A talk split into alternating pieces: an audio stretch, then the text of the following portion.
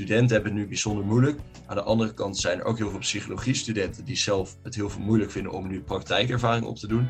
Kunnen we niet soort van die twee aan elkaar verbinden door mensen die het, studenten die het moeilijk hebben, die last hebben van stress of van eenzaamheid, uh, de mogelijkheid te bieden om te praten met, uh, te laten praten met psychologie-studenten uh, op een, via een anonieme chat of zo. Mijn naam is Joyce van Ombergen en je luistert naar de podcast van Your Journey voor inspiratie rondom studie, eigen keuzes en stress. In deze aflevering zit ik virtueel op de bank met Thomas Klein-Goldewijk, student Logic aan de Universiteit van Amsterdam en medeoprichter van Frisse Gedachtes, een platform voor een beter studentenwelzijn. In ons gesprek vertelt Thomas wat de aanleiding was om in april 2020 te starten met Frisse Gedachtes en hoe het is uitgegroeid tot een succesvol landelijk initiatief. Hij deelt zijn visie op de invloed van de ontwikkeling van de samenleving op de mentale gezondheid en vertelt hoe hij vanuit zijn gut feeling tot zijn toch wel bijzondere studiekeuze kwam. We spreken over de kracht van peer-to-peer hulp bieden en het feit dat deze uitdagende tijd met quarantaines een stuk bewustwording activeert en dus ook positieve kanten kent.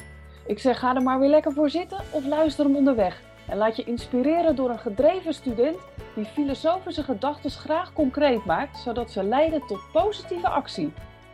Veel luisterplezier! Goedemorgen Thomas. Goedemorgen, goedemorgen.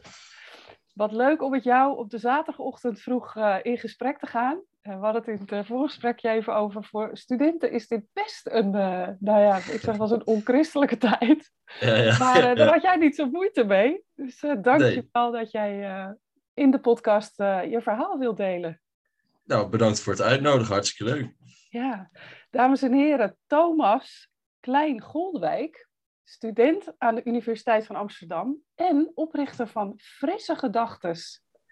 En die naam triggerde mij toen ik jou tegenkwam uh, op, uh, op internet. En vandaar deze uitnodiging. Dus Thomas, dankjewel nogmaals. En ja, hoe ben jij uh, daartoe gekomen? Frisse Gedachtes. Dat is een goede vraag. Nou, eigenlijk, het, ik ben de, een van de drie oprichters. Dus we hebben het met twee vrienden van mijn voetbalteam hebben het opgezet.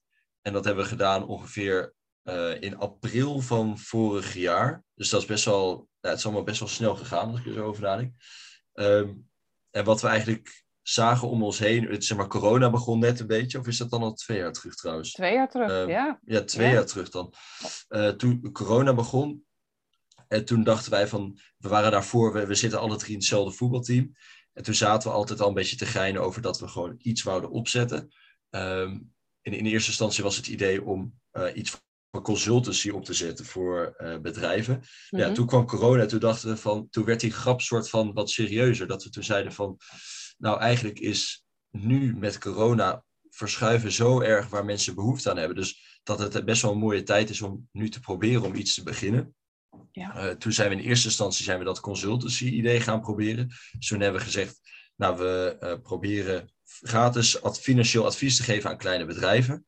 Mm. Nou, dat bleek niet echt heel succesvol te zijn, vooral omdat die bedrijven zoiets hadden van ja, wij zitten al jaren in, de, in deze branche en dan komen drie van die snotjochies ons vertellen van wat we allemaal moeten doen.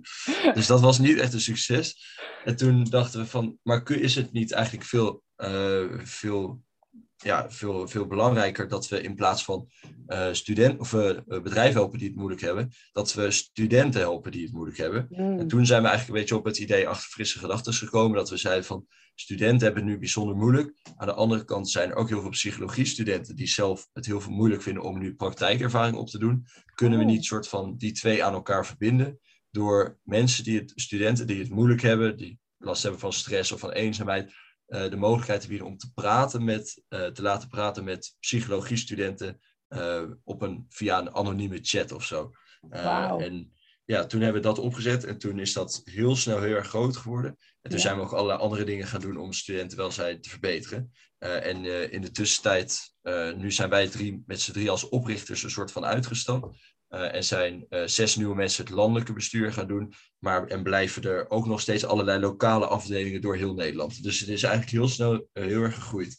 Ja, en, en vanuit natuurlijk een enorme behoefte, helaas. Maar wat een ja. fantastisch initiatief. En zo snel ook al, Thomas, want je zegt april 2020. Nou, maart is natuurlijk, uh, is, de, zeg maar, hell broke loose. Dus jullie hebben echt snel geschakeld. En ja, ook natuurlijk wel grappig wat je zegt van hè, het eerste probeersel. Ik noem je ook een aantal keer het woord proberen noemen. Dat is, ik zeg, op kantoor bij mij weten ze het al, dat is een taalverzwakker. Je doet iets of je probeert het. Maar dit was dus ook blijkbaar niet de bedoeling. Jullie hadden iets anders te doen. Ja, ja nee, inderdaad. Eigenlijk was het uh, in eerste instantie, want wij hebben alle drie ook helemaal niks per se zo heel erg met psychologie of zo. ja, ik mhm. ben het wel zelf steeds interessanter gaan vinden, juist door uh, frisse gedachten zo. Ja. maar wij doen alle drie veel meer een technischere opleiding. Eh, dus dit lag ook niet per se heel erg voor de hand. Maar het was meer dat we inderdaad met corona om ons heen zagen van dat steeds meer studenten hier last van zouden of kregen of zouden gaan krijgen. Ja. Uh, dat we besloten om dit op te zetten. En nu achteraf gezien lijkt het dan vaak heel, ja, lijkt het heel duidelijk van, het is heel logisch soort van dat dat toen werd opgezet. Maar dat viel eigenlijk toch wel redelijk mee, omdat nu is er natuurlijk heel veel aandacht voor studentenwelzijn. Ja. Maar toen in die tijd was dat nog echt wel een stukje minder, zeg maar. Dus we hebben het, en dan maak ik het eigenlijk veel te mooi voor onszelf dan het is, maar we hebben het een beetje met een soort vooruitziende blik dus opgezet. Nou, dat, ik, daarmee doe je jezelf tekort, want uh, ik herken het ook. Uh, wij riepen ook al in uh, nou, april van jongens, je moet je gaan, gaan voorbereiden op een, een na-effect van wat, wat mhm. hier gaat gebeuren. Nou, misschien zal het niet april zijn geweest. Maar een vooruitziende blik kun je wel degelijk hebben. Dus daar, ik denk dat je daarmee jezelf tekort doet. Want je hebt het letterlijk om je heen zien gebeuren. En heel sterk ook als peer-to-peer. jij zelf mhm. als student. Uh, ja, jij zit tussen de studenten. Dus ja, ik kan me voorstellen dat wat je ziet en hoort. Dat dat uh, ook een soort gedachtegang in gang zet van... Oké, maar ja, hoe gaat dat zich dan verder ontwikkelen? Of vul ik het nu te veel in? Nee, dat is zeker waar. Ja, want ik woon zelf in Amsterdam. En ik woon in een groot studentenhuis ook. We wonen met z'n veertienen. Ja. En uh, zonder namen te noemen, ik, ik, denk niet dat, deze, dat de mensen van mijn huis deze podcast gaan luisteren. denk ik. Ik hoop het wel. Als ze niet luisteren, hallo. maar uh, in ieder geval op, op een, een tijd terug, toen liep bijna de helft van het huis, dus dat zijn zeven van de veertien mensen, die liep of bij, ja, bij een psycholoog of bij een uh, coach. Ja. En dat is natuurlijk eigenlijk bizar, dat je dat gewoon zeven van de veertien, en ja. wij zijn daarin denk ik niet per se super uitzonderlijk of zo. Nee. Dus dat, ja, op die manier heb je natuurlijk dan ook al vrij snel door wat er soort van speelt onder jouw medestudenten. Dus ja, dat scheelt wel hoor. Exact. En wat je zegt, het is nu natuurlijk ook echt in de cijfers uh, naar voren gekomen. Dat 1 op de 2, nou jij geeft het letterlijk aan, hè? 7 van de 14, dat is toch echt 50 procent. Ja. met, met mentale, uh, ja, tegen mentale uitdagingen aanloopt, hè? in minder of meerdere vorm. Dus dat mhm. is best wel heftig. En nou, ik weet dat jij uh, wiskunde en filosofie studeert, dus dat is ook een hele bijzondere combinatie. Hè, jij zegt in eerste instantie was het niet zo voor de hand liggend. Als je nu terugkijkt en, dan mhm. even in de relatie tot je studie, zitten er dan toch meer aanknopingspunten? Oh, dat is een interessante vraag. Um, ja, misschien wel. Zeg maar, het wiskundig gezien niet zozeer, denk ik. Maar uh, weer, wel een beetje vanuit filosofisch oogpunt misschien wel. Mhm. In die zin dat, um, ja, dat, dat mentale klachten, we, hadden het hier voor, voor de podcast al natuurlijk even kort over, dat mentale klachten, denk ik, vooral het product zijn van uh, bepaalde ontwikkelingen binnen de samenleving. Uh, en dat het mentale klachten moeten niet zozeer gezien worden soort van als individuele problemen van mensen zelf. Ik bedoel, dat zijn het uiteindelijk wel, maar het, het wordt veroorzaakt door bepaalde ontwikkelingen in de samenleving. Uh, en als, als je dat ook meer beseft, dan wordt het ook makkelijker om te, ja, soort van voor jezelf te verdragen dat je überhaupt die klachten hebt. Dat je denkt, ja, uh, het is heel logisch dat ik niet hier uh, mee rondloop.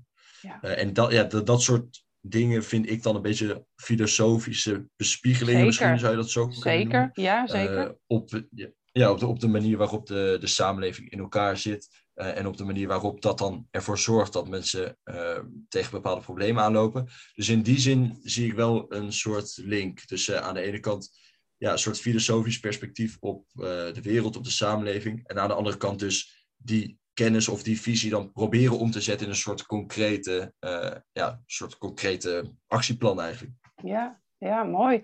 Hey, en als je zegt ontwikkeling in de samenleving, zou je wat concrete voorbeelden kunnen noemen van wat jij ziet, uh, hè, wat die ontwikkelingen uh, voor impact hebben op met name de jeugd? Ja, ja dat is inderdaad een goede. Ik vind dat ook wel redelijk. Ja, ik denk dat er verschillende dingen uh, nu spelen die ervoor zorgen dat inderdaad mensen steeds meer van dit soort klachten te maken krijgen. ik denk één heel duidelijke. Nou, over mij een soort van wat ik denk dat heel belangrijk is, is dat er een soort disbalans is tussen aan de ene kant de, ehm, hoe wij biologisch gezien in elkaar steken. Dus mhm. waar wij zeg maar, biologisch gezien behoefte aan hebben, wat, waar wij biologisch gezien uh, wat voor neigingen we hebben. En aan de andere kant uh, hoe de samenleving in elkaar uh, steekt. En die twee, die zijn denk ik een beetje in disbalans geraakt, omdat onze biologie, dus al die neigingen en die behoeftes, die zijn vrijwel hetzelfde, vrijwel identiek aan duizenden jaren terug. Omdat ja, onze biologie evolueert nou eenmaal gewoon niet zo bijzonder snel. Mhm. Ehm, maar aan de andere kant onze cultuur en onze samenleving, die evolueren natuurlijk in een ontzettend rap tempo. En dan kun je denken bijvoorbeeld aan technologische veranderingen, maar ook aan politieke veranderingen of aan geografische veranderingen. Dat ze, zijn allemaal dingen in onze samenleving die juist bijzonder snel geëvolueerd zijn. Ja. Uh, ik bedoel, als je nu een soort doorsnede maakt van onze huidige samenleving, dat vergelijkt met uh, een doorsnede van 200 jaar terug al, dan mm. zit daar natuurlijk een bijzonder groot verschil tussen.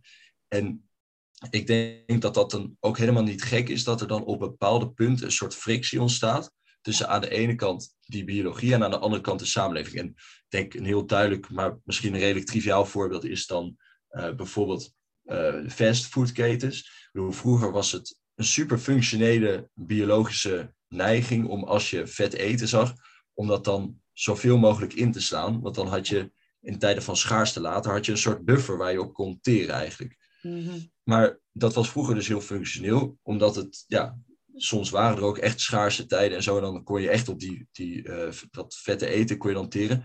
Maar nu, in ieder geval in Nederland en in ieder geval in de meeste, voor de meeste mensen in Nederland, is het op, of opbouwen van een buffer op die manier, namelijk in vorm van vet, is eigenlijk niet heel, functioneel meer, zeg maar. Want ik bedoel, er is altijd, dus we hebben gewoon supermarkten en zo. Dus als, het, als je eten wil, kun je het kopen. Mm. Uh, dus vet eten inslaan is niet per se meer een heel handige respons. En ik denk dat het zelfs nog sterker is. Het is een zelfs schadelijke respons geworden, omdat overal nu van die fastfoodketens zijn, dus McDonald's en Burger King zijn er echt op elke hoek van de straat te vinden.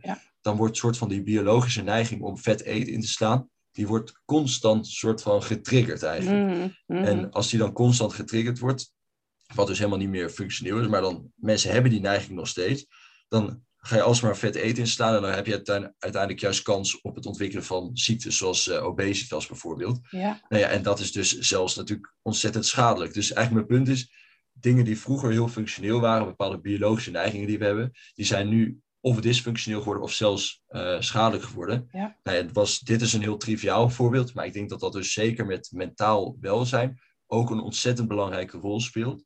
En dan kun je heel veel dingen kun je in, in die disbalans verklaren, zeg maar. Bijvoorbeeld ook stress. Vroeger was stress ook een heel dysfunctionele neiging. Maar nu is dat, niet, is dat helemaal niet meer zo. Is het zelfs heel schadelijk als je constant uh, gestrest voelt, bijvoorbeeld doordat je heel veel deadlines krijgt vanuit de universiteit.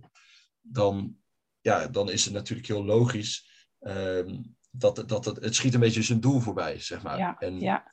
als mensen constant stress hebben, dan wordt het immuunsysteem verzwakt. En ik bedoel, dat is, ja, ik weet niet of het een beetje duidelijk is. Ja, het is heel duidelijk, Thomas. Het is heel duidelijk en uh, ik ben het ook uh, volledig met je eens.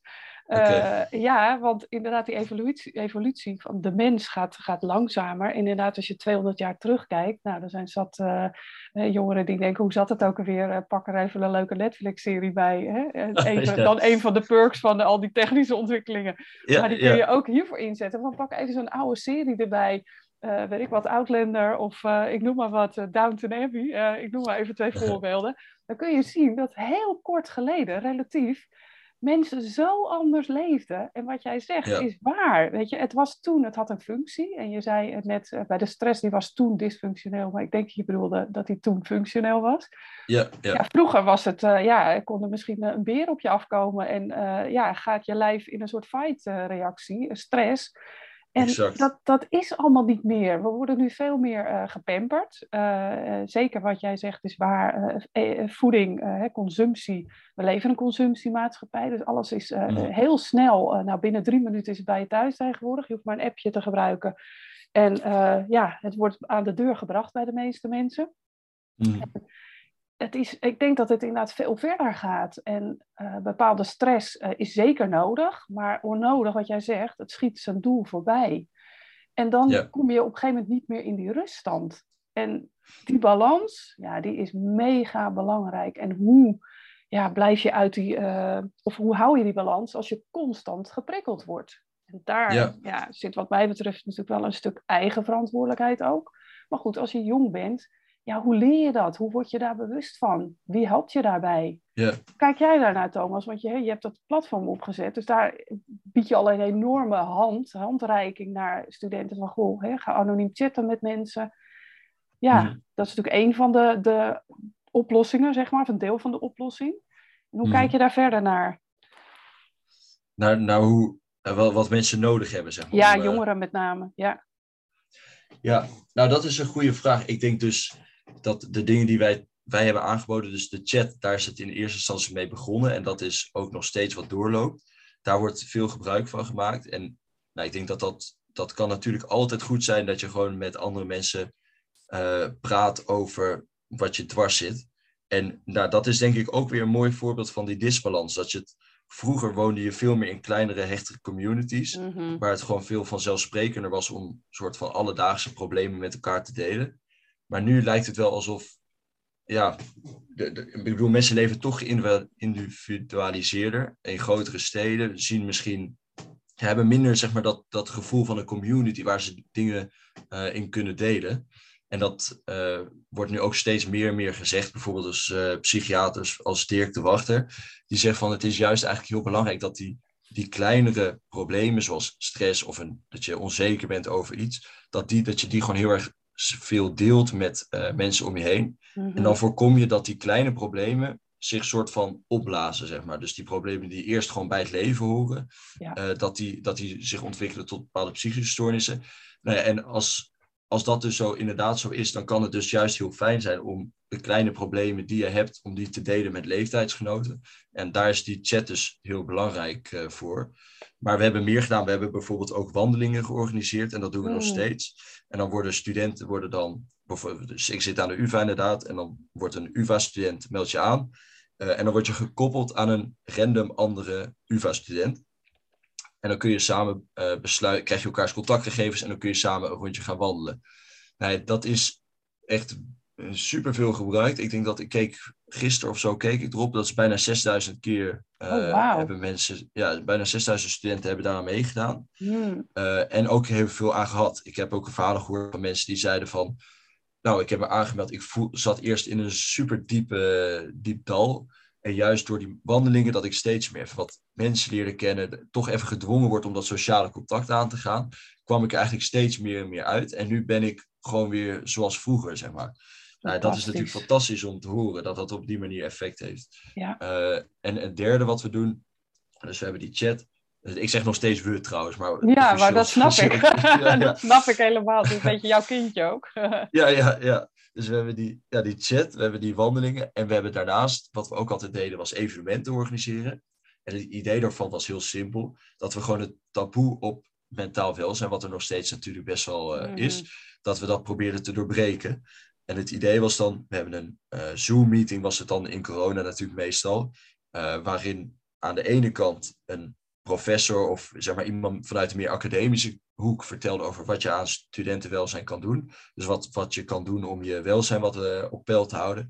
En aan de andere kant vertelde dan een student die zelf last heeft of heeft gehad van mentale klachten, die vertelde daarover. En die mm. vertelde ook over wat dan hem of haar heeft geholpen om, uh, om uit die problemen weer te komen. Nou, en dan kreeg je heel snel kreeg je zo'n gesprek waarin andere mensen ook zich heel open durfden op te stellen. En dan kreeg je eigenlijk een soort groepsgesprek van mensen die zeiden van, oh, dit herken ik heel erg, die, uh, dat negatieve zelfbeeld waar jij het nu over hebt, dat heb ik ook, maar dan zus en zus en zo. Uh, wat heeft jou nou geholpen? En nou, dat was eigenlijk bijna altijd een super constructief gesprek waar heel veel mensen heel van hebben gehad. Ehm, dus nou, die, in ieder geval die drie dingen hebben wij gedaan om, uh, om studentenwelzijn wat te verbeteren. Fantastisch, heel mooi. Hey, en ik, ik denk nu in één keer, jij gaf aan, ik woon in een, een studentenhuis met 14 studenten. En dan kreeg ik ja. zo'n beeld bij van, dat is eigenlijk natuurlijk ook een kleine community. Dus heb jij daar aan jouw studentenhuis ook zelf veel gehad? Het feit dat je toch in een wat groter studentenhuis woonde en niet alleen bij je ouders op zolder zat te studeren? Ja, ja, nou ongetwijfeld. Ja, dat is zeker waar. Uh, het voelt inderdaad een beetje als een kleine community. Um, en ik, ik denk dat dat zeker beschermend is geweest voor bijvoorbeeld dingen als eenzaamheid of zo, waar mm -hmm. bijvoorbeeld heel veel internationals natuurlijk juist nu ja, heel erg last ik net ook aan. Ja, ja dus, dus ja. Dat, is, dat is echt zeker waar. Aan de andere kant heeft het natuurlijk ook zo zijn nadelen. Ik bedoel, als je uh, zo dicht op elkaar woont en je ziet eigenlijk bijna andere, geen andere mensen, dan uh, is het, wordt het soms ook wel erg druk. Ja. Maar ja, goed, ik denk dat is een soort kleine side note voor iets wat, wat eigenlijk uh, heel erg positief is. Dat, daar ben ik het zeker mee eens. Ja, ja, ja mooi. Nou, we noemden net snel even de internationals. Uh, voor de luisteraars die uh, niet snappen wat we, waar we het over hebben. We bedoelen de internationale studenten die hier in Nederland ja. komen studeren. En soms gewoon ja, al een half jaar in Nederland zijn en nog niemand hebben ontmoet. Of bijna ja. niet. nou, vaak de taal niet spreken. Dus nou, misschien de carrière gedag zeggen. En dat is het dan wel. Uh, is daar mm-hmm. ook iets, zijn die, ja, die zijn uiteraard ook welkom, neem ik aan, bij de wandelingen en de meetings? Of is dat anders georganiseerd? Ja. Nee, die zijn ook welkom. En eigenlijk het is zelfs zo dat de nadruk een beetje op hun ligt. na, ja, of in, in, ieder geval in die zin dat de, dat de relatief de meeste de meeste mensen die zich aanmelden zijn internationals. Dus hmm. uh, misschien dat in absoluut aantallen meer Nederlanders zich aanmelden, maar relatief ten opzichte van hoeveel internationals er zijn, uh, wat natuurlijk meer is dan het aantal Nederlandse studenten, zijn er, is wel echt het overgrote deel is wel international. Mooi. Dus die hebben daar duidelijk ook meer behoefte aan. Ja, ja. Ja, ik kan me dat uh, heel goed voorstellen. Ik heb zelf een dochter die uh, een tijdje in Nederland uh, studeerde, maar goed vanuit Spanje kwam. Dus eigenlijk als international student daar gestudeerd heeft. En ja, ja met haar international studenten wel contacten had. Maar ja, in coronatijd is het natuurlijk super ingewikkeld. Want ja, waar, waar ontmoet je mensen? En ehm, ja, je hebt ze zo nodig, juist nu. Ja, dus, ja nogmaals, ja. fantastisch initiatief, Thomas. Super. Dank je. En als ik daar nog even iets aan toe mag voegen, is dat ik ook denk dat um, bijvoorbeeld inderdaad, of dat corona ons ook misschien even juist heeft laten inzien, wat het uh, belang is om te luisteren naar, naar die, die, dus die biologische neigingen en behoeftes die wij blijkbaar hebben. Uh, dat het bijvoorbeeld nu met corona, als je in quarantaine zit, dan zul je het, of hebt gezeten, dan zul je het ook hebben gemerkt, dat het gewoon niet fijn is zeg maar, om zo lang alleen te zijn en afgesloten te zijn van andere mensen. Mhm. Dus ik hoop ook oprecht dat dat voor veel mensen ook een soort ja, inzicht heeft gegeven van, oh ja, blijkbaar heeft de mens, is gewoon een soort sociaal dier, zeg maar. Dus als je dan de mens afsluit van die contacten, als je die niet meer hebt, dan is het heel logisch dat je je daar heel, heel slecht door gaat voelen, zeg maar. Ja. Nou, dat, ik, ik hoorde dat voor heel veel mensen ook dus dat is dan ook helemaal niks waar je voor hoeft te schamen, zeg maar. Als je uh, alleen op je kamer zit voor tien dagen en uh, je voelt je eenzaam.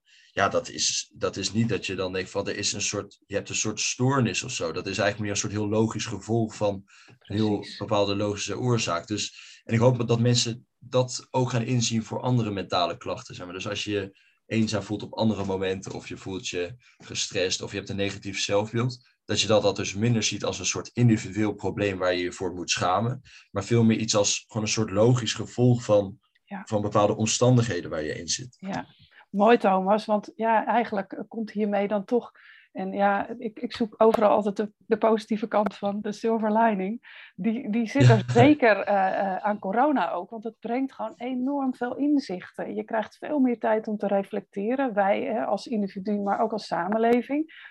En het is natuurlijk Ja. een shitty manier om uh, hierachter te komen dat dit zo speelt.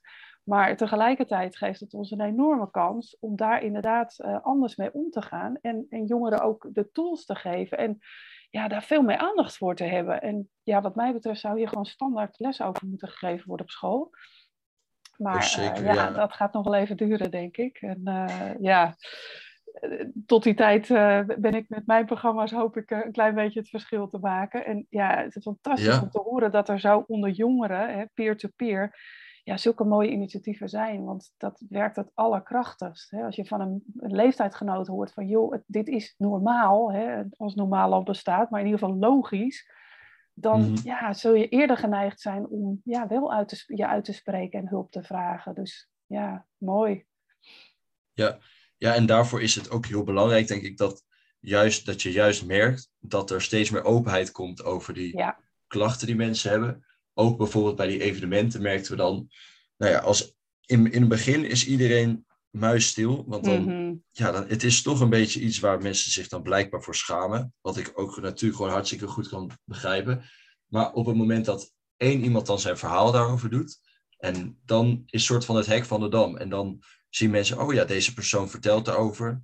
Eh, hij wordt niet uitgelachen of zo. Het is gewoon, het is gewoon, en eigenlijk herken ik dit wel gewoon heel erg. Ja. Eh, dat ineens allemaal mensen dat dan ook vertellen. En dan krijg je dus heel snel zo'n open sfeer, die eigenlijk voor iedereen beter is. Ja. Dus dat, dat zou echt heel mooi zijn als er op die manier meer, eh, ja, meer openheid over het onderwerp kan komen. Dat mensen meer ja, daarover in gesprek gaan zonder daar heel erg over te schamen of zo. Ja, ja dan het een soort stigma eh, haalt het weg. En misschien ook nog wel interessant om te weten eh, bij Frisse Gedachten. Jij gaf aan eh psychologiestudenten. Eh, zij, zij zijn natuurlijk nog niet afgestudeerd. Dus ik kan me voorstellen dat er mensen luisteren en zeggen die denken: hé, hey, maar hoe zit dat dan? In hoeverre kunnen zij advies geven? Luisteren zij alleen of hoe, hoe ziet dat er praktisch uit? Mochten luisteraars denken: ik ga daar naartoe, naar die, naar die site. Kan dat überhaupt buiten de, de Unie? Kunnen mensen daar gewoon Ja. rechtstreeks naartoe? Ja, zeker. Dus je kan, als je naar frissegedachten.nl gaat, dan staat daar staat een soort. Ja, ze hebben het eh, sinds dat wij vertrokken zijn, hebben ze een upgrade gegeven aan de website. Dus die ziet er nu be- nog beter uit. Eh, en daar zie je dan overzichtelijk soort van wat, wat je kan doen. Dus je kan, het is soort van uitgesplitst in drie dingen. Je hebt die chat, je hebt die wandelingen en je hebt die evenementen. Eh, en de chat die vind je dus ook gewoon via die website. Daar, kun- daar, kom je, daar kun je dan op klikken en dan verschijnt er gewoon wat je, wat je kan doen. Ehm, en daar kun je ook naartoe als je niet eh, aan een unie studeert of aan een hogeschool studeert. Eh, en dan kun je, je krijgt dan een lijst met mensen te zien.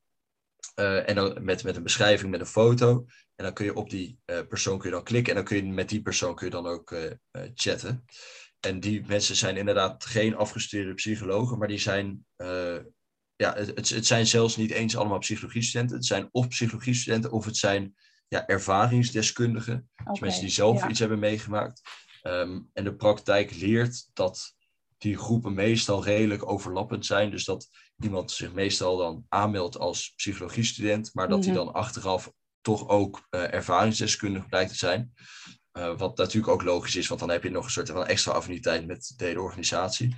Ehm, en die mensen die krijgen van ons dan een soort training over hoe ze moeten luisteren naar mensen. En ze mogen absoluut ook geen advies geven. Eh, dus dat is heel praktisch inderdaad. Ik bedoel, er er zijn heel veel mensen die wel vragen om advies. Maar als ze vragen om advies, dan ja, moeten ze toch door worden verwezen naar iemand die daar wel echt een volledige opleiding in heeft eh, afgerond. Oké, dus daar hebben jullie, eh, neem ik aan, een soort database van of, of eh, een, een ander platform waar jullie naar kunnen verwijzen. Wellicht natuurlijk gewoon de, de, de standaard eh, verwijzing huisarts lijkt mij sowieso een, een eerste loket, maar kan ook Ja. op een andere manier zijn, ook weer anoniem. Hè? Ik tip wel eens de jongerenhulponline.nl, daar is ook, een, is ook een platform met allerlei hulpverleners en dat zijn dan inderdaad allemaal gediplomeerde hulpverleners, dus misschien wel goed om die hier ook nog weer even te noemen. Want dat zou een mooi vervolg kunnen zijn op jullie, eh, ja, op jullie initiatief. Maar dit is super Ja. laagdrempelig, dus ja, echt zo mooi. Ja, nou dankjewel. Ja, inderdaad, dat is ook de bedoeling. Dat het dus echt heel laagdrempelig is, eh, volledig anoniem. En het voordeel is, eh, en dat is een soort van, ik wil niet een soort heel ver, verkooppraatje van die chat geven of zo, maar het, het voordeel soort van ervan is dat je, ja, het bestond nog niet. Dus aan de ene kant had je wel heel veel initiatieven die, eh, waar je met andere mensen kon chatten. Maar daar kon je dan vaak weer ehm, niet anoniem blijven, of zeg maar, je kon dan niet anoniem blijven. Uh, maar dan kon je wel langdurig terugkomen met dezelfde persoon. Uh, en aan de andere kant had je dan ook wel chats waar je dan wel anoniem kon blijven. Uh, maar daar kon je dan weer niet de hele tijd met dezelfde persoon praten. Oké. en dat ja. vonden wij dan weer een beetje nadelig, omdat we dachten van, ja, we willen het eigenlijk allebei. We willen dat je en anoniem kan blijven en dat je ook met dezelfde persoon kan blijven chatten. Want dan aan de ene kant verlaagt dat de drempel vanwege die anonimiteit. En aan de andere kant, doordat je dit met dezelfde persoon praat, kun je ook daadwerkelijk een soort vertrouwensband met die persoon opbouwen. Ja. ja. Uh, dus wij wouden het eigenlijk allebei. En dat was zeg maar software technisch gewoon nog niet mogelijk. Dus dat hebben we laten bouwen ook. En dat is een soort van waarom ik denk, oprecht ook denk dat dit eigenlijk veel beter is dan wat er al bestond. Namelijk omdat je dus ja, die, allebei die mogelijkheid hebt. Van het is ja. en laagdrempelig en je bouwt iets op met iemand. Mooi. Nou reist bij mij ook de vraag, eh, je zegt er is software voor ontwikkeld. Uh, daar zijn mm -hmm. natuurlijk kosten aan verbonden. Dus werken jullie met sponsoren, met, hè, mochten er nog mensen zijn die dit initiatief willen steunen? ja, als de ABN AMRO luistert, dan ja. uh, doneer maar 2 miljard op... nee, ja, nee, dat is een goede vraag natuurlijk. Uh, we hebben in eerste instantie beginnen we subsidies gekregen, bijvoorbeeld van de gemeente Nijmegen, omdat we uh, zelf alle drie uit Nijmegen komen. Dus dat was, uh, het is in Nijmegen begonnen, toen is het daarna uitgespreid over heel Nederland. en we hebben bijvoorbeeld van de Radboud ook subsidie gekregen. Nou, dat, dat zijn allemaal eenmalige soort van inkomsten die allemaal gebruikt zijn om dat platform op te bouwen. Mm -hmm. En aan de andere kant hebben we ook wat structurelere inkomsten, doordat we het platform aanbieden aan uh, universiteiten en hogescholen. Dus het platform zelf is toegankelijk voor iedereen, maar we, uh, we maken dan een soort van gepersonaliseerde omgeving ah, voor zo. een bepaalde universiteit. Dus net zoals je bijvoorbeeld, ik weet niet of je dat wilt zeggen, maar bijvoorbeeld Canvas of Blackboard of Brightspace, dat zijn allemaal soort van, ja, of, of op de middelbare school volgens mij magister of zo. Ja, magister, dat, ja. Oh ja, ja dus dat, dat wordt natuurlijk allemaal voor de school soort van op maat gemaakt. Ja. Uh, dat het een beetje die look en zo heeft. Dat doen wij hetzelfde voor het platform. En, en daar betalen zij wat voor. Ook niet heel okay. veel. Nee, maar wel mooi. Want dan krijg je inderdaad, is het totaal in lijn met uh, nou ja, de school. Dus het, het, het, sluit aan op het portal uh, wat ze hebben. Ja, nou, mooi. Ja. Dus daar, ja, dat, ik, kan me voorstellen, dat is een initiatief natuurlijk prachtig. Ik ken het ook. Maar uiteindelijk moeten natuurlijk, worden er ook kosten gemaakt die, ja, die wel terugverdiend moeten worden. Hè? Liefdewerk oud papier is, is natuurlijk prachtig, maar uh, als je daarin wil groeien, nog meer mensen wil helpen, dan zijn daar vaak toch ook uh, geldstromen voor nodig. Dus uh, mooi. Ja. Nou, dus voor sponsoren die denken, goh, hier wil, ik, wil ik wat mee, ga naar frissegedachten.nl en ja. neem, contact, neem contact op, zou ik zeggen. Ja, mooi. Ik, Thomas, ik heb nog wel een laatste vraag, want ik ben toch nog even benieuwd. Hoe ben jij tot de studiekeuze uh, wiskunde en filosofie gekomen? Dat blijft mij triggeren. Ik heb zelf ook wiskunde en alle talen gedaan, dus die combi die, uh, was ook een beetje apart. Maar ja, wiskunde en filosofie. Hoe kwam jij tot die studiekeuze? Oeh, ja, dat is een goede. Ja, het, ja, het is, uh, ik weet niet of dat nog verwarrend is, maar het, het, is een, het heet logica, dus of logic in het Engels. En dat uh, logica is een vakgebied dat een combinatie is tussen wiskunde en filosofie. Dus ik, ik, doe niet per se de twee losse studies. Het is er wel gewoon één studie. Mm-hmm. Uh, en ik heb als bachelor heb ik filosofie gedaan. Nou, en daar heb je gewoon één, uh, één deelgebied van filosofie, heet logica. ja, het, het, is eigenlijk een heel saai verhaal, maar het, ja, het is één, één deelgebied eigenlijk veel meer wiskundig. en toen dacht ik, ja, een beetje op mijn gut feeling dacht ik van dit wil ik gewoon gaan doen. En dat bleek alleen in Amsterdam te kunnen. Dus toen dacht ik van, uh, nou, dat, ja, dan volg ik mijn gevoel daarin een beetje. En toen ben ik dat gewoon gaan doen. Uh, en achteraf is, is dat heel positief voor mij, heeft dat heel positief uitgepakt. Omdat ik aan de ene kant die filosofische ideeën wel heel interessant vind. Maar ze ook een soort van, nou, niet nutteloos vind, maar ja, minder waardevol vind als het, minder, als het niet super precies kan worden gemaakt, zeg maar. Ja. Ja, je uh, zei het net al inderdaad, concreet en dan ook echt een actieplan. Uh, ja. ja, mooi. Ja, dus, dus dat, dat is eigenlijk een beetje het kort van. Het is niet heel interessant. Uh... Nee, nou ja, nee, helemaal, helemaal. Kijk, je noemt gut feeling. Dat is voor sommige studenten al lastig. Van ja, gut feeling, waar zit dat? En, en hoe weet je dan, hè, wat voor gevoel heb je dan gehad van ja, laat ik dat maar doen? Kwam je de studie ergens tegen? Uh, had je mensen erover horen praten? Ja, ik, ik had de mensen daarover horen praten. Ja, het is een beetje het gevoel wat je hebt. Ik denk dat iedereen, of bijna iedereen dat wel heeft gehad. Dat als je op, voor een middelbare school gaat kiezen, uh, als je aan het einde van de basisschool zit, dan zijn er ook sommige middelbare scholen waarvan je dan gewoon ineens denkt, ja, dit, dit is het gewoon. Uh, zonder dat je daar heel veel over na moet denken, want waarschijnlijk kun je daar ook nog niet per se super goed over nadenken. Uh, en dan volg je die keuze gewoon. En ja, een beetje dat gevoel had ik ook. En ik had die studie inderdaad voorbij horen komen dat andere mensen daarover hadden gepraat. Eh, en toen dacht ik, nou, dat is mooi. En Amsterdam, dat is ook mooi. Ja, en ik, ik had er eigenlijk dus voor de rest niet heel veel over nagedacht. Maar volgde een beetje gewoon dat gevoel, net zoals ik toen uh, deed bij de middelbare school. Ja, mooi. Ja, hart en uh, gevoel en verstand. Dus ja, daarom vind ik die combi eigenlijk ook wel fantastisch bij je passen. Want je praat er ook op die manier over. Dus ja, en dan werkt het. Dan weet je ook, ja, dit klopt. Dit klopt. Ja, ja. precies. Waaraan merkte je toen je met de studie begon van ja, ik heb een goede keuze gemaakt? Um, nou, dat, ja, dat ik het gewoon heel erg leuk vond om mee bezig te zijn. Dus dat ik, uh, en dat heb ik nog steeds. Dus ik ben nu mijn scriptie aan het schrijven. Uh, dus ik ben daar ook bijna mee klaar. En ik vind het absoluut geen, uh, geen, geen pijn om eraan te werken. ik, ik, ja, ik geniet daar gewoon van, zeg maar. Ik, ik, ga, ik sta met plezier op om ermee bezig te zijn. En dan denk ik van, dat, dat, is, dat is zo positief. En daar kun je ook zo dankbaar voor zijn dat je zoiets hebt gevonden. Um, dus dat is eigenlijk waarin ik merk dat het de juiste keuze is geweest. Ja, mooi. Ja, als je met plezier iets doet en er dankbaar voor bent, nou dan heb je een succesformule te pakken, Thomas. Ja, ja. ik denk dat heel veel studenten op dit moment echt aan het worstelen zijn met hun scriptie. Ik ken er genoeg die echt, uh, nou ja, lange tanden en uh, zich uit bed slepen van oké, okay, het moet echt af, het moet echt nu. Ja, dan heb jij een heel ander verhaal. Dus, uh, en dat mag ook, hè? En uh, ja, ik ben enorm voorstander van dat je echt daarin je eigen keuze maakt. En dat je ook opnieuw mag kiezen. Dus mocht je luisteren en denken, hmm, dat wat Thomas, uh, hè, dat gevoel, dat wil ik ook. Maar dat ervaar mm-hmm. ik nu niet. Ga het onderzoeken. En ga, ga kijken, wat is er dan, hè, niet, wat, wat, loopt er niet? Ligt het echt aan de studie? Nou, misschien moet je die keuze, hè, een andere keuze durven maken. En ja, dat ja. is spannend, maar dat mag dat mag. Ja.